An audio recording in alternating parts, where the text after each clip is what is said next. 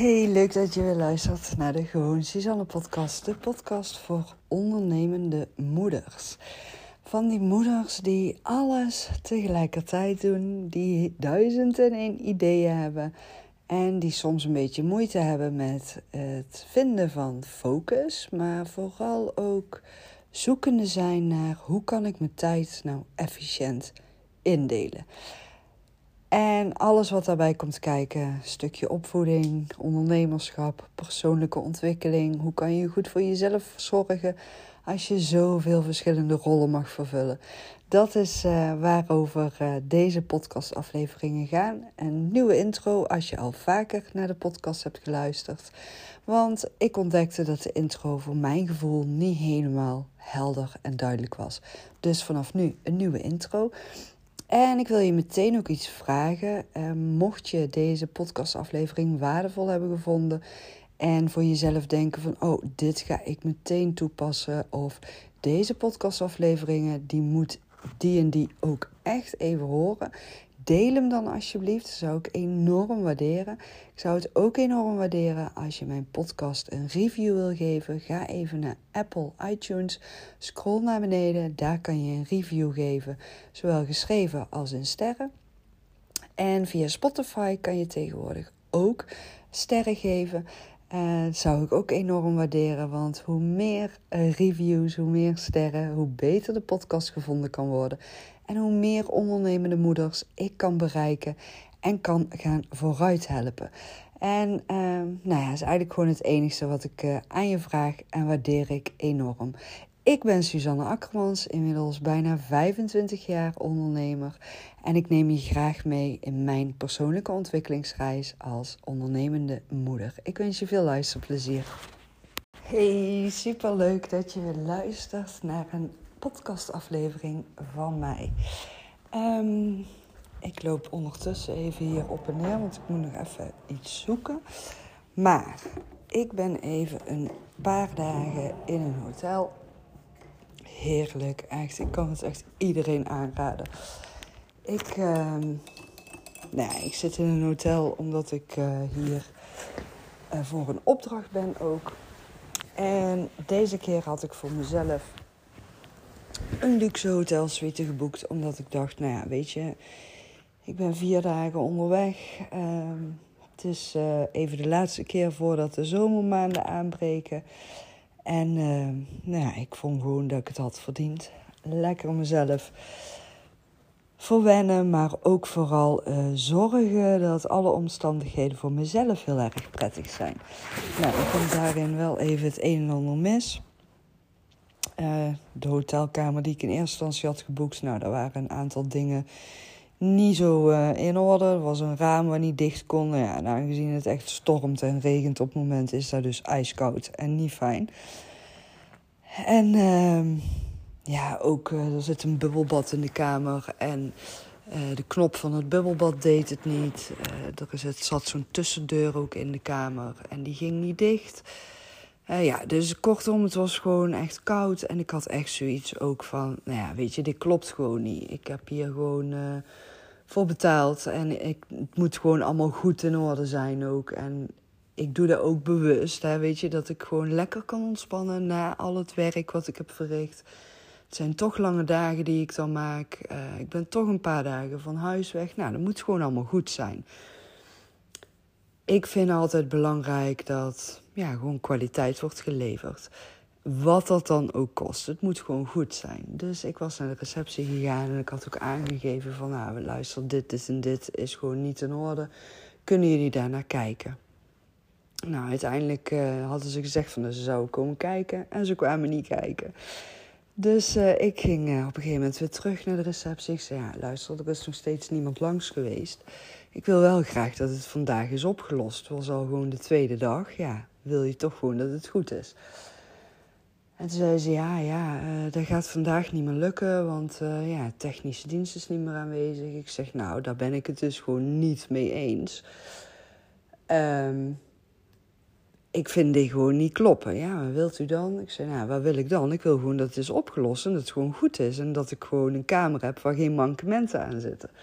Nou, dus toen uh, boden ze aan dat ik dan een andere kamer kreeg. En toen mocht ik ook kiezen.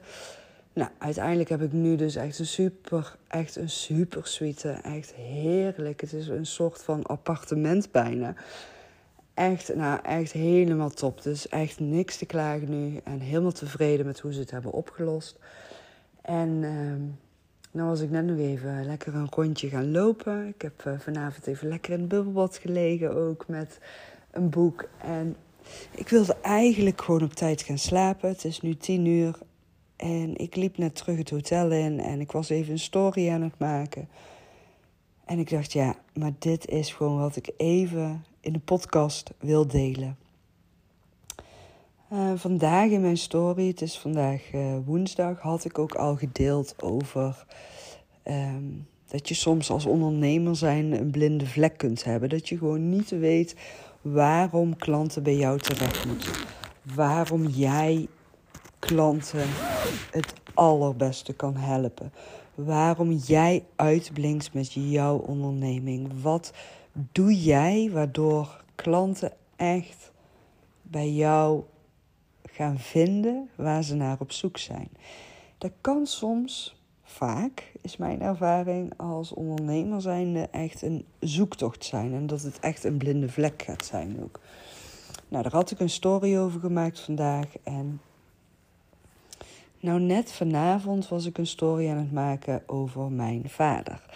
Mijn vader die uh, was gisteren eigenlijk jarig, maar die is uh, helaas alweer uh, zeven jaar geleden overleden. En zeven jaar, nou, het klinkt heel lang, maar het voelt ook echt onwijs lang. Um, oh, dat had ik niet verwacht. Ik merk dat ik nu een beetje emotioneel begin te worden, ook hierdoor.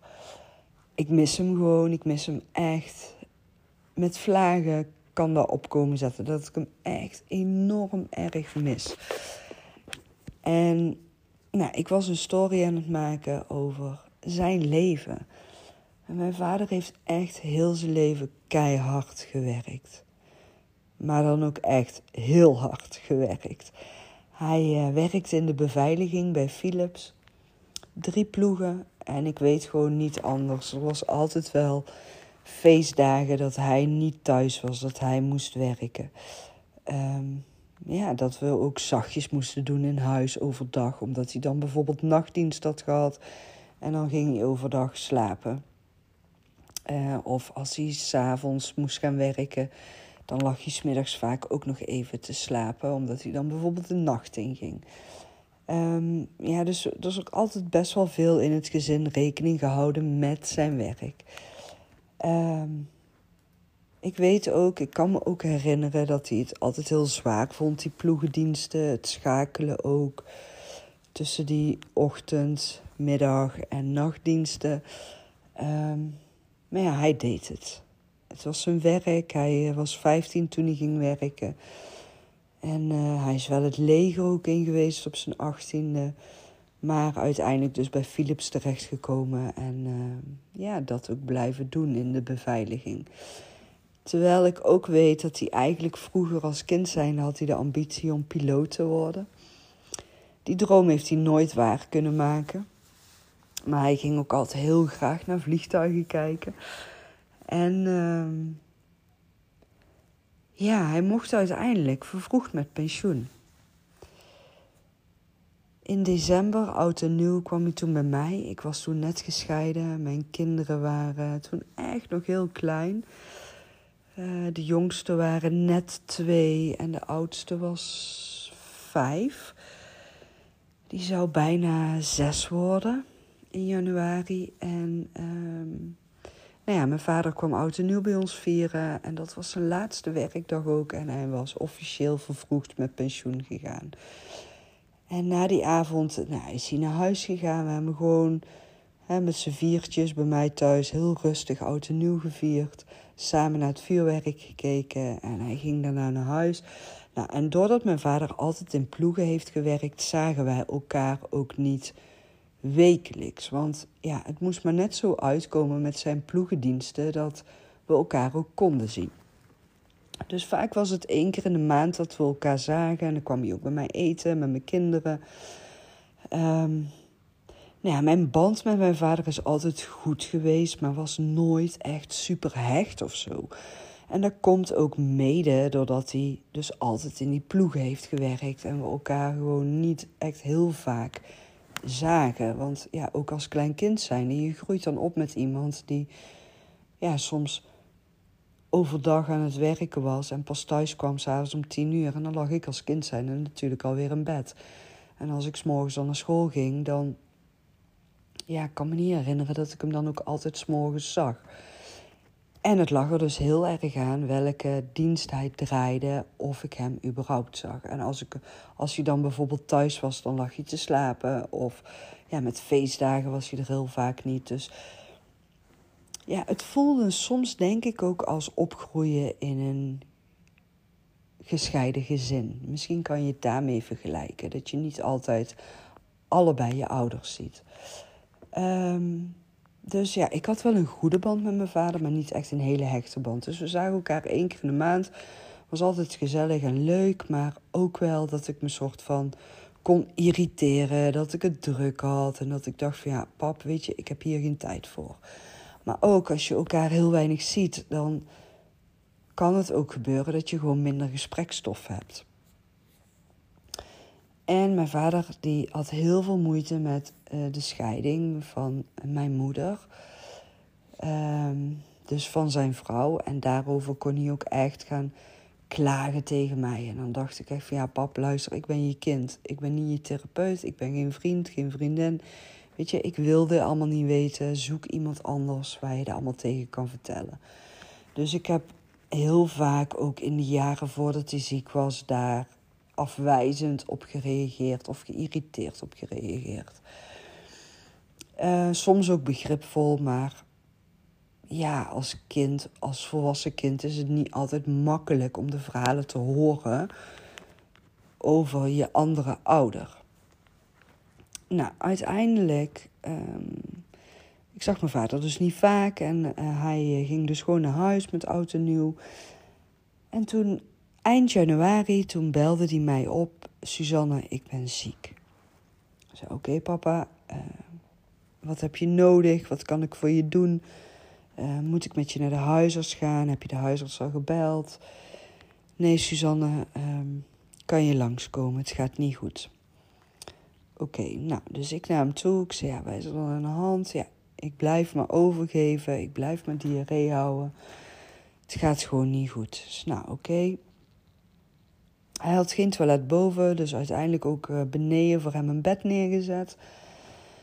Uh, van zolder uh, een bed gehaald, beneden in elkaar gezet, matras erop gelegd en gezorgd dat hij beneden kon slapen in de woonkamer, zodat hij makkelijk naar het toilet kon gaan. Dus nou, pap, ik ga even voor je boodschappen halen en dan ben ik zo weer terug. En nou, allemaal gedaan. Hem weer achtergelaten thuis en toen ben ik hem iedere dag gaan bellen. Hoe gaat het?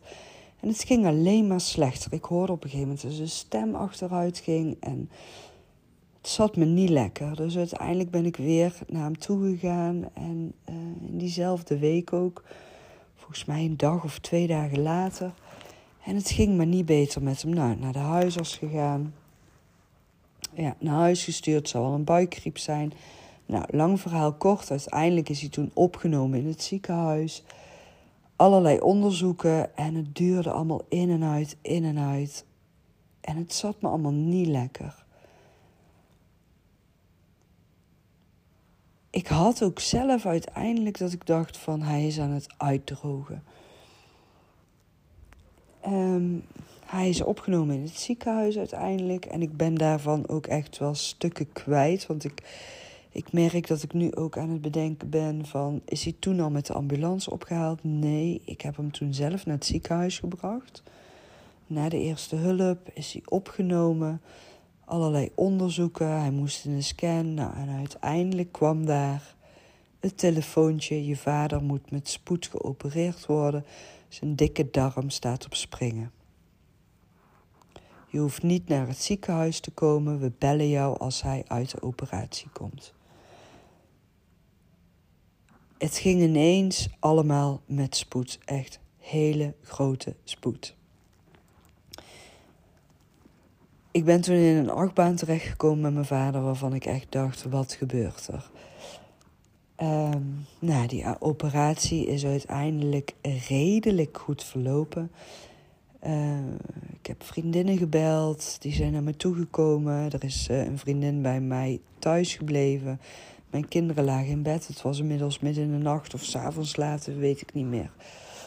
Um, ik ben met een andere vriendin samen naar de intensive care gegaan. Daar was mijn vader naartoe overgebracht. En wat ik me daarvan herinner is dat hij rechtop met zijn bed. Hij lag rechtop omhoog met zijn bed. Uh, aan de beademing. Het zag er heel akelig uit. Ik schrok er echt van. Um, en toen kreeg ik het bericht dat hij een stoma had gekregen. Zijn volledige dikke darm was verwijderd. Um, maar daarna ging er van alles mis. Ze moesten uiteindelijk zijn buik openlaten. Hij kreeg buikvliesontsteking. Hij kreeg allerlei complicaties erbij. Um, nou ja, uiteindelijk die stoma die is aangelegd. Zijn volledige dikke darm was dus verwijderd. Hij had een high output stoma, wat betekende dat hij enorm veel vocht verloor. En doordat hij zoveel vocht verloor, bleef hij continu ziek worden. En dusdanig ziek worden dat hij buiten bewustzijn raakte, dat hij um, vochttekort had. Hij had mineralentekort, magnesiumtekort, kaliumtekort. Nou, echt alle belangrijke voedingsstoffen in je lijf had hij tekort. Hij bleef afvallen. Nou, uiteindelijk, heel lang verhaal, heel kort proberen te vertellen. Uh, hij moest aan de nierdialyse, want zijn nieren functioneerden niet meer... doordat hij continu jaar in jaar uit zoveel vocht bleef verliezen. Hij had een uh, breuk, was er ontstaan in zijn dunne darm. Uh, nou ja, daarop hadden ze een soort van labmiddel tijdelijk soort stomazakje aan bevestigd. Maar ja, ze konden zijn buik niet opereren, want zijn buik was één groot littekenweefsel. Dus met andere woorden, ze konden niks meer voor hem doen dan de nierdialyse starten. Uiteindelijk heeft mijn vader zelf besloten om te stoppen met de nierdialyse. Achteraf was ik mezelf daar totaal niet van bewust op dat moment. Ik was me ook niet bewust van de gevolgen daarvan. Uh, enerzijds wel, anderzijds niet. Ik wilde het ook niet zien. Ik ben ook ruim negen jaar gaan vechten voor mijn vader zijn gezondheid. Achteraf, hij is doorgegaan voor mij, denk ik ook wel. En voor mijn kinderen. Uh, nou ja, het, het, waren echt hele zware, intense jaren. En waarom ik het nu wil delen en waarom ik er ook een story over heb gemaakt gisteren, is omdat mijn vader was afgelopen dinsdag jarig. Het was zijn geboortedag. En eigenlijk gisteren, ja, ik had gewoon niet zo'n fijne dag. Het zat allemaal gewoon een beetje tegen de heenreis naar uh, mijn opdrachtgever had ik alleen maar files. Um, nou ja, weet je, daarna al die mankementen in de hotelkamer. Ik had weer last van mijn oor. Uh, gewoon, weet je, ik was moe. En ja, ik kon het eigenlijk voor mezelf niet helemaal zo plaatsen ook. Ik dacht ook bij mezelf van, jeetje Suzanne, wat is er nou? Weet je, je hebt gewoon die luxe hotelsuite. Je hebt gewoon een superleuke opdracht. Wat is er aan de hand? En natuurlijk, weet je, gisterochtend werd ik wakker en dan weet ik gewoon, het is ons papse verjaardag. En natuurlijk schiet het dan door je hoofd heen. En dinsdagavond had ik ook nog een overleg over mijn website. Heb ik het ook nog over vlinders gehad. Mijn vader noemde me altijd een vlinder. Uh, je moet mij gewoon lekker laten doen. Dan kom ik vanzelf naar je toe. Zo zei hij altijd, zo omschreef hij mij ook altijd. En ja, daar gisteravond ook nog gewoon over die vlinders gehad. Helemaal niet verteld waar dat vandaan komt. En toch vandaag, vanavond, weet je, ik heb nou die suite waar gewoon alles helemaal super en top is. Ik heb gewoon een lekkere avond gehad, lekker ontspannen. Ik heb vanmiddag nog heerlijk zitten werken ook. Um, nou ja, vanmorgen een fijne werkdag gehad ook. En ik was die story aan het maken. En dat is het gewoon voor mij. Wat er bij mij is gebeurd na het overlijden van mijn vader. Is toch wel enerzijds een beetje onbewust, anderzijds ook wel heel erg bewust geworden door alles wat er met mijn vader was gebeurd, door zijn overlijden, door het verdriet, het gemis wat ik voelde ook. Daardoor realiseerde ik me van wat ons pap heeft gedaan, dat is niet hoe ik het wil doen. En zo was ik natuurlijk wel ook bezig. Altijd werken, werken, werken. Altijd aan het ondernemen. Ik wil niet mezelf tekort doen. Ik wil niet werken om goed te kunnen leven. Ik wil genieten van dat wat ik aan het doen ben. Ik wil vrije tijd hebben. Ik wil mezelf niet uitputten. Ik wil niet over mijn eigen grenzen heen gaan. Ik wil voor mezelf kiezen, mezelf belangrijk vinden, mezelf op de eerste plaats kunnen zetten. En succesvol ondernemen. En er zijn voor mijn kinderen. Het kan allemaal samen. En dat is wat ik echt voor mezelf ben gaan toepassen na het overlijden van mijn vader. Daarvoor zocht ik naar hoe kan ik die balans vinden. Ik vervloekte die magische balans. Ik geloofde niet in die magische balans. Ik geloofde niet dat je en succesvol kon ondernemen en tijd voor jezelf kon hebben en er voor je kinderen kon zijn zonder schuldgevoelens. Ik wist niet hoe het moest. Maar dat is echt veranderd op het moment dat mijn vader kwam te overlijden. Toen begreep ik het.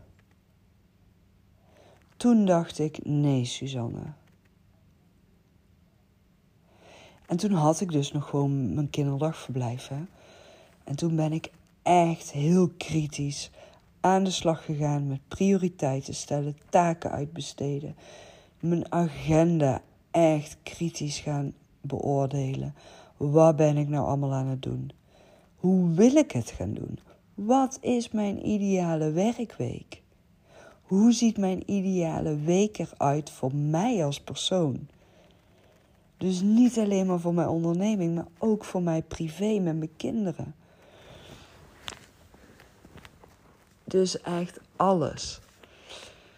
Uh, ik ben toen ook begonnen met personal training. Ik ging drie keer in de week sporten. Ik ging uh, echt tijd voor mezelf claimen. Ik ging veel meer leuke dingen doen voor mezelf. Ik ging mijn eigen batterij opladen. Ik ging alleen nog maar in mijn onderneming doen wat mij energie gaf. En ik ging echt heel kritisch kijken naar: oké, maar wat geeft mij energie? En daar ging ik voor mezelf op reflecteren. Want ik had het voorbeeld gehad van twee ouders die niet wisten hoe ze voor zichzelf moesten kiezen. Hoe ze en en konden gaan doen. Ik heb het meest slechte voorbeeld daarin gehad van allebei mijn ouders. Mijn moeder die besloot op mijn 21ste om voor zichzelf te kiezen. En daarvoor moest zij scheiden van mijn vader. En moest zij ook uitspreken naar mij toe Vanaf nu kies ik voor mezelf. Ik heb heel mijn leven voor jullie gezorgd. Nu ben ik belangrijk. Dat deed mij als 21-jarige jongvolwassen kind enorm veel pijn. En drie jaar daarvoor had ze mij op mijn achttiende op straat gezet, omdat ze niet wilde dat ik keuzes voor mezelf maakte daar kon zij, daar kon zij niet handelen. Daar, daar vond zij niet oké dat ik keuzes voor mezelf maakte. Kijk, en dan kan je er naar kijken als zijnde: je bent een eigenwijze 18-jarige puber. Of je kan het zien als wat goed dat jij voor jezelf leert kiezen. Als jongvolwassen vrouw. Wat goed dat jij onafhankelijk zelfstandig wil zijn. Wat goed dat jij jezelf gaat losmaken van je ouders. Zo kan je het ook bekijken. Maar mijn moeder zag het als afzetten tegen haar opvoeding, afzetten tegen haar regels. Vanuit mijn beleving, hè? want ik kan alleen maar vanuit mijn beleving praten. En het is geen enkel verwijt. Ik zie nu hoe allebei mijn ouders nooit hebben geleerd hoe zij voor zichzelf hebben kunnen kiezen. En wat deed mijn vader? Die deed alleen maar keihard werken om voor het gezin te zorgen.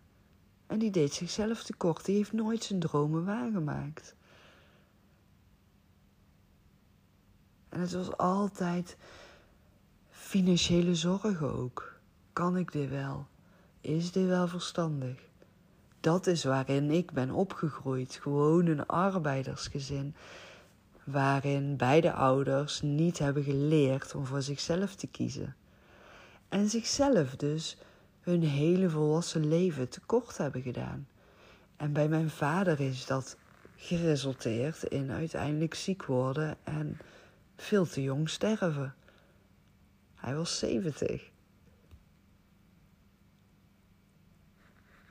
En iedereen schatte hem altijd veel jonger. Hij zag er ook, ondanks dat hij ziek was, gewoon veel jonger uit.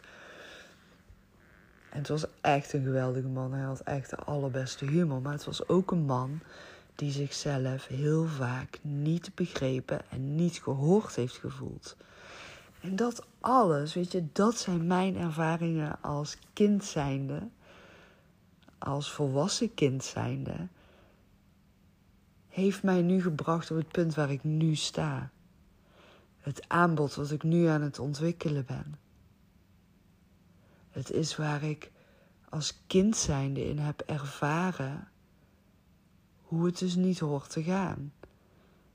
Hoeveel nadelige gevolgen eraan vastzitten als je niet voor jezelf kiest. En ik heb ontdekt dat je, je kan gewoon voor jezelf kiezen als moeder zijn. Je kan gewoon succesvol ondernemen als moeder zijn.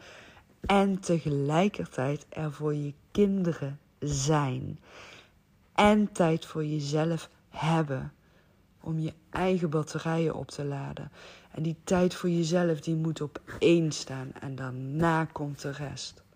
Want als jij investeert in die tijd in jezelf, heb jij alles over om te geven vanuit positieve energie, vanuit inspiratie, vanuit mogelijkheden vanuit creatie. Dan gaan de ideeën stromen. Juist doordat je tijd voor jezelf neemt. Juist doordat je tijd voor jezelf neemt, zit jij lekker in je vel. Ben jij volledig aanwezig in je onderneming als je aan het ondernemen bent? Ben jij volledig aanwezig bij je kinderen als je thuis bent? En natuurlijk, weet je, voor mij zitten daar soms ook nog steeds uitdagingen in. En als je met mijn kinderen gaat praten, gegarandeerd dat mijn kinderen ook gaan zeggen: Oh, mama, die loopt ook altijd met haar telefoon rond te sjouwen. Maar ik weet ook zeker dat ze alle drie zullen zeggen dat ik er altijd voor hun ben. Als het nodig is, als ze daar behoefte aan hebben. Ik zal altijd er voor ze zijn en naar ze luisteren. En ze mogen mij ook aanspreken als ik dat niet doe en ze hebben me dat wel nodig. Maar ik weet zeker dat alle drie mijn kinderen zullen zeggen dat als ze mij nodig hebben, dat ik er altijd voor ze ben. Volledig. En het kan dus allemaal naast elkaar. En ja, natuurlijk, weet je, soms is het echt een zoektocht. Soms is het echt even gaan onderzoeken hoe kan ik dit gaan organiseren. Maar er zijn oprecht altijd mogelijkheden in. En ik gun het gewoon echt iedere ondernemende moeder om vanuit die heerlijke vrijheid als een vlinder te kunnen genieten van het ondernemerschap en het ouderschap van je kinderen. vanuit die tijd die je voor jezelf claimt, neemt. En dus niet ten koste van je anderen, van de andere mensen. Nee, het komt die andere mensen ten goede als jij tijd voor jezelf neemt. En dat is wat ik nu echt naar aanleiding van mijn papa's verjaardag realiseerde. En de story die ik vanavond aan het maken was op Insta over hem. Ik moest het gewoon even delen. Um, ja, weet je, ik ben eigenlijk heel erg benieuwd hoe doe jij dat? Kan jij tijd voor jezelf claimen en nemen? Hoe vaak neem je tijd voor jezelf als ondernemende moeder? Doe je dat structureel, incidenteel, nooit? En wat houdt je tegen om dat te doen? Ik ben er heel benieuwd naar en ik zou het echt onwijs waarderen als je het met mij zou willen delen. Uh, dat kan via Insta. Uh, je kan me dan een DM-bericht sturen. Suzanne laagstreepje Akkermans. En Suzanne is met S-U-S. En Akkermans is met dubbel K. Uh, ja, ik zou het ook onwijs waarderen als je mijn podcast zou willen delen. Uh, met de mensen waarvan jij denkt: dit is echt waardevol, dit moet jij echt luisteren die ondernemende moeders die jij kent, deel de podcast er gewoon mee. Je kan het via een, uh, de podcast-app kan je de podcast delen, maar je kan ook een screenshot maken en het delen in jouw Insta-stories. Ik zou het leuk vinden als je mij daarin dan ook zou willen taggen, uh, zodat ik ook weet wie jij bent die naar mijn podcast luistert. En als je een review zou willen geven, dat kan via Spotify, kan je sterren geven. En via iTunes kan je een review schrijven en ook sterren geven. En ook dat waardeer ik, want hoe meer reviews uh, er zijn, hoe meer mensen makkelijker de podcast gaan vinden. Dus hoe meer ondernemende moeders uh, kunnen gaan luisteren naar mijn tips en mijn inzichten, mijn verhaal, mijn ervaringen over het ondernemen moederschap, waarin je echt alles succesvol met elkaar kan combineren. En je dus tijd voor jezelf gaat leren nemen, zodat het alleen maar ten goede komt van je kinderen, van je onderneming, maar vooral van jezelf. Want als je investeert in jezelf, heb je veel meer te geven aan al jouw dierbaren. En alles wat jouw dierbaar is. Dankjewel voor het luisteren en tot de volgende keer.